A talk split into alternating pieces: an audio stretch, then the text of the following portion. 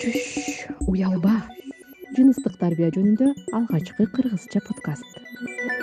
Уялба салам достор. Кайрадан мен маматказы расул уулу жыныстык тарбия берүүчү чүш уялба подкасты менен. Бул чыгарылыш укуктарды бил деп аталат. Биз адамдар төрөлгөндөн баштап эле эң негизгиделген адам укуктарына ээ болобуз. Алар жашоого билим алууга жана башкалар. Алардын арасында сексуалдык укуктарыбыз дагы бар. Ал медициналык жардам алууга өзүңдүн жыныстык органдарың туурасында үйрөнүүгө берилген укуктар. Дагы кененирээк ал укуктар туурасында жана сексуалдык маанидеги зордук зомбулук туурасында маектешим гүлиза абдыжапарова менен кеп калабыз гүлиза оштогу жаштарга адам укуктары жөнүндө маалымат берип кыздардын өнүгүүсүнө коргонуусуна үйрөткөн ритм коомдук бирикмесинин жетекчиси. Өзүңөрдүн сексуалдык укуктарыңарды билгенден уялбагыла достор. Чүш уялба буга чейин мен бала кезимде ойногонго же билим алганга укуктарым бар экенин билчүмүн да. А он сегиз жашка чыккандан кийин менде сексуалдыктагы укуктар бар экенин билдим да. Бул эмне деген укуктар же болбосо бул менин чоң адам болгонум үчүн берилген укуктар болуп калабы. Бул сексуалдык укук деген адамдын жеке баягы негизги укуктарынын бири болуп эсептелет. Ал деген баягы сексуалдуу боло алуусу жыныстык катнашка баруусу канча жашында эми желательно баягы жогорураак жашында э потому что жаш кезинде мындай не советуется. Ким баягы партнер тандоосу анан бул укуктарга эч ким баягы киришкени контролдогону эч кимдин укугу жок акысы жок. А сексуалдык маанидеги ырдык көрсөтүү э, кодолоо же жыныстык зордук зомбулук булар эмнелер менен айырмаланат аларды билүү эмне үчүн маанилүү бизге. Менин оюмча булардын булар бул темалардын баары бир эле деп ойлойм. Себеби дегенде баягы бар жогу зомбулук да. Сексуалдык сөз аркылуу дагы ырдык көрсөтсө же баягы жыныстык органдары кармаса дагы зордуктаса дагы бунун бар жогу зордук зомбулук болуп эсептелет да. Аны билүү керек себеби дегенде аны баягы ар кандай учурлар болот да адамдар дагы ар түрдүү болот. Анан кийин кыздар дагы жаш балдар дагы ошол ыдыкка ар тараптан баягы зомбулукка кабылат да. Көбүнчө баягы эркектер тарабынан болот. Биздин коомчулукта көбүнчөсү эгер кыздар зордук зомбулукка же көчө тийишүүлөрүнө туш болсо анда өзүн кыздын өзүн күнөөлөп коюшат да ал өзү жөн жүргөн эмес же болбосо кыска кийинген деп. Негизи жөнөкөйдө көчө тийишүүлөрдү кандай болуп пайда болот? Эми адамдар ар кандай айтышат го. Тиги кичинекейинде травма алгандыр да тиги мондойдур да депчи. Бирок мен аларды эч актабайм. Эгерде зордук көрсөтүп аткан болсо ал ал адамды мен зөөкүр деп эсептейм. Эгер ал зордук зомбулук көрсөтсө демек ал деген мыйзам чегинде жазалоо керек деп ойлойм да. Анан бирок мен ойлойм бул кийим кечесинен же жүрүм турумунан зависить этпейт депчи. Бул ошол зордук көрсөткөн адамдын гана күнөөсү деп эсептейм. Чүш уялба анан бизде могу сексуалдык укуктар дегенде биз өзүбүздү коргоого же коргонууга же болбосо мамлекет тарабынан баягындай биздин укуктарыбыздын аткарылышына гарантия алабыз. И жанагы жыныстык укуктардын ичинде болсо өзүбүзгө партнер тандаганга укугубуз да булар. Бирок ошол эле учурда бизде көбүнчөсү деген укук андай укуктарыбыз бар экенине карабай эле биз ошол зордук зомбулуктар болот да көчө тийишүүлөрү көп байкалат бизде кыздардын дарегине ал эмне себептен мисалы көпчүлүк адамдар өздөрүнүн сексуалдык укуктары бар экенин билбегенин себебинен да болушу мүмкүнбү? Менин оюмча бул э, сексуалдык укук деген түшүнүк э, көп эле адамда жок болсо керек. Эч качан ошол э, жабыр тарткан адам эмес. Ошол зордуктаган же тийишкен ытык көрсөткөн адамдардын гана күнөөсү деп ойлойм. Эгерде алар өзүн тыя албаса демек алар өздөрүн контролдой алышпайт деген да. Мен бир инициатива көтөргүм келген. Адвокационная компания кылыпчы баягы ошол ырдык көрсөтүү боюнча закон киргизели деп. Бирок ал инициативам колдой алган жок да. Колдоо ала алган жокмун көп жерден бизде көрсө ошондой закон жок экен. Ырдык көрсөтүүнү жөн эле мелкое хулиганство деп эле наказать этсе болот экен. Эгер аны баягы тастыктап берсеңчи доказательство керек экен да. Демек мисалы көчөдө кыз бала кетип аткан болсо эркек бала тийишип жатса же ырдык көрсөтүп андай зордук сексуалдык мааниде кандайдыр бир зордук көрсөтүп жаткан болсо ал милицияга кайрылып барганда бул туурасында биринчиден ага доказательство кыла албайт экинчиден буга атайын тийиштүү атайын закон жок экен да. Демек кыздардын бул учурда өздөрүн өздөрү коргошуна туура келет экен да э? Ошондуктан көбүнчө кыздарга тиешет го.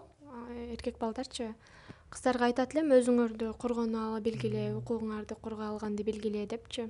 Өзүмдү өзүм баягы ырдык көрсөтүү учурунда кантип коргонсом болот? деген сабак алганмын да. Анан эгер мага тийишсе мен же кайрылып жооп берем. Эгер көп адамдар болсо баягы унчукпай өтүп кетем. Эгер жанымда бирөө болсо баягы жардам сурайм да. Мен кыздарды баягы күчтүү болуңуздар демекмин. Себеби дегенде. Өзүнө коргонууну билиш керек э? Коргонууну билиш керек. А бирок эч качан баягындай жабык кийин же баягы провокация кылба деп айта албайм.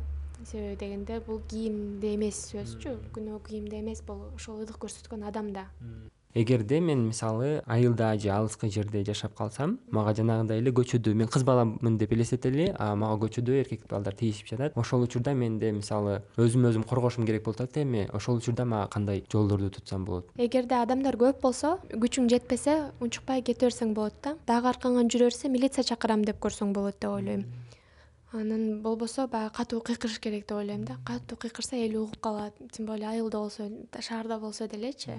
Коргонуш керек да бир чакырык кылыш керек катуу үн мененби же чалыш керек бирөөгө. Бирөө менен чалып мага ушинтип тиешип атат деп э, дагы защита кылсаң болот. Дагы деле кызмын деп элестетели мен э, сексуалдык мааниде зордук көрдүм же ыдык көрдүм да көчөдөн. Мен бул туурасында мен милицияга айткым келбейт анткени дегенде корком уялам. Коомдун э, коомчулуктун оюнан же ата энемдин билип калышынан уялып коркуп эч кимге айта албайм да бул учурда мен менде деген психологиялык жактан жабыр тартып мүмкүн да бул учурда мисалы кимден кеңеш сурап маалыматтарды алып. Мындай учурларда баягы өзүңө катпаш керек да? Унчукпай жүрүп баягы сактап алыш керек деп ойлойм. Сөзсүз түрдө бирөөгө айтыш керек. Азыр деген баягы социалдык баракчалар көп. Ошол жактан жазсаң болот психологко барса болот же баягы жакын курбуларыңан барып кеңешсең болот баягы психолог издегендечи ошондой эле азыр сексолог деген дагы специалисттер бар. Ошолорго дагы кайрылып кеңеш сурасаң болот. Айткандай эле ошол милиция андай учурларда көп реакция кыла бербейт экен да. Анан темадан тышкары эле европа өлкөлөрүндө мисалы венгрия финляндия нидерландия сыяктуу өлкөлөрдө деген мектептен баштап эле жаш окуучуларга мисалы үй бүлөлүк э, жашоого даярдоо деген деп аталат экен. Ал жакта алар болсо бул сабактан сексуалдык укуктарды мисалы мен ар ким эч бир адам менин жыныстык органдарыма тийгенге укугу жок мен өзүмдү коргогонду үйрөнөм. Же болбосо репродуктивдик саламаттыгым жөнүндө ошол сабактардан маалыматтарды берип үйрөтүшөт экен да мектептен элечи. Бизде болсо тилекке каршы андай жок мектепте. Бирок ошол жоктугунун мисалы себеби балким бизде ал нерсе зарыл эмес деп эсептешкенби же болбосо бизге бул нерсени эми киргизиш керекпи? Өзү бизде кыргызстанда адам деген э, сабак бар. Бирок биз мектепте окуп жүргөндө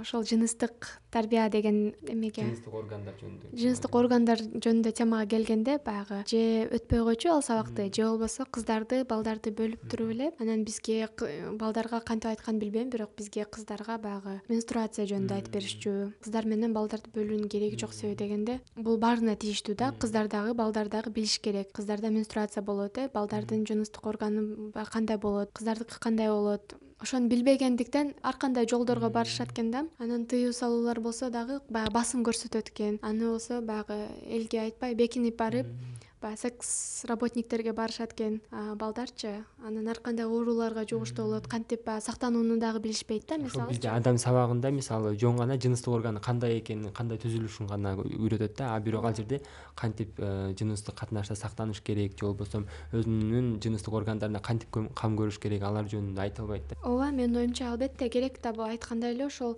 бул укук дагы сексуалдык укук дагы баягы адамдардын негизги укуктарынын бири ал болуш керек. Аны биздин мамлекет дагы баягы укук коргоо органдары бар жогу биз сыйлашы керек бул укуктардычы. Бирок бул канчалык реалдуу болушун айтуу кыйын себеби дегенде бизде культура башка биздикилер баягы бир аз консервативдүү бир аз эмес консервативдүү ооба бир топ эле консервативдүү. Мектептин ала албаса деле бизге аябай керек экен да жаштар үчүнчү буга айтып атпайбызбы. Өзүн коргонууга өзүн сактанууга өзүн жакшы алып жүрүүгө. Кандай булактардан кантип э, жаштар бул маалыматтарды ала алышат эми? Эгер мектептен ала албай турган болсок азырынчачы. Проверенный сайттардан көрсө болот окуп изилдесе болот бирок көбүнчө специалистке кайрылса жакшы болот деп эсептейм. Сексологторго барса болот психологторго барып тапса болот. Психолог менен сексологко кайрылуу дагы өзүнчө эле бир түйшүк да биздин коомчулукта мисалы жөн эле психологко барбай атат ал оорукчанмын беле же ооруп калды беле же сексологко барып атса буга эмне болду экен деп ошондой дагы кептер чыгат. Ооба элдин оюнан көз каранды болгон туура эмес деп айтам. Себеби дегенде ал адамдын укугу да каяка барат кимге барат ден соолугуна кам көрүү деп эсептейм. Сексуалдык маанидеги зордук зомбулуктан ыдык көрсөтүүлөрдүн сактанууларга мисалы кандай кеңештерди бересиз? Анан интернетте дагы азыр сонун видеолор бар. Баягы сексуалдык ыдыктарды көрсөтсө же зомбулукту көрсөткөн учурда кантип реакция кылса болот деген видео уроктор бар экен. Азыр уже чыгып калыптыр. Аябай жакшы шарттар түзүлүп атат да азыр. Же болбосо ошол э, өзүн өзү коргонуу боюнча сабактар бар экен. Атайын жерлерде спорт залдардын жанында кыздарга коргонууну кыздарга өзүн өзү коргонуу боюнча көчөдө кетип атканда кантип алып жүрүүсү боюнча. Сабактарын көрдүк да. Өзүбүз дагы катышып көрдүк. Аябай чындап эле. Керектүү анан пайдалуу экен да. Чүш уялба биз өнүккөн жаштар толеранттуу адекваттуу болуп укуктарды сыйлап көчө тийишүүлөрүнө зордук зомбулуктун болушуна жол бербейли достор. Бүгүн сексуалдык укуктар жана көчө тийишүүлөрү туурасында маек куруп бергени үчүн гүлүзага чоң ыраазычылык билдирип коштошобуз. А кийинки чыгарылышта болсо сиздерди жыныстык мамиле учурунда сактануучу каражаттар жана аларды туура колдонуу жөнүндө кызыктуу маек күтүп жатат. Чүш уялба. Жыныстык тарбия жөнүндө алгачкы кыргызча подкаст жыныстык тарбия темасындагы менин подкасттуу долбоорума сорус кыргызстан фонду көмөк көрсөттү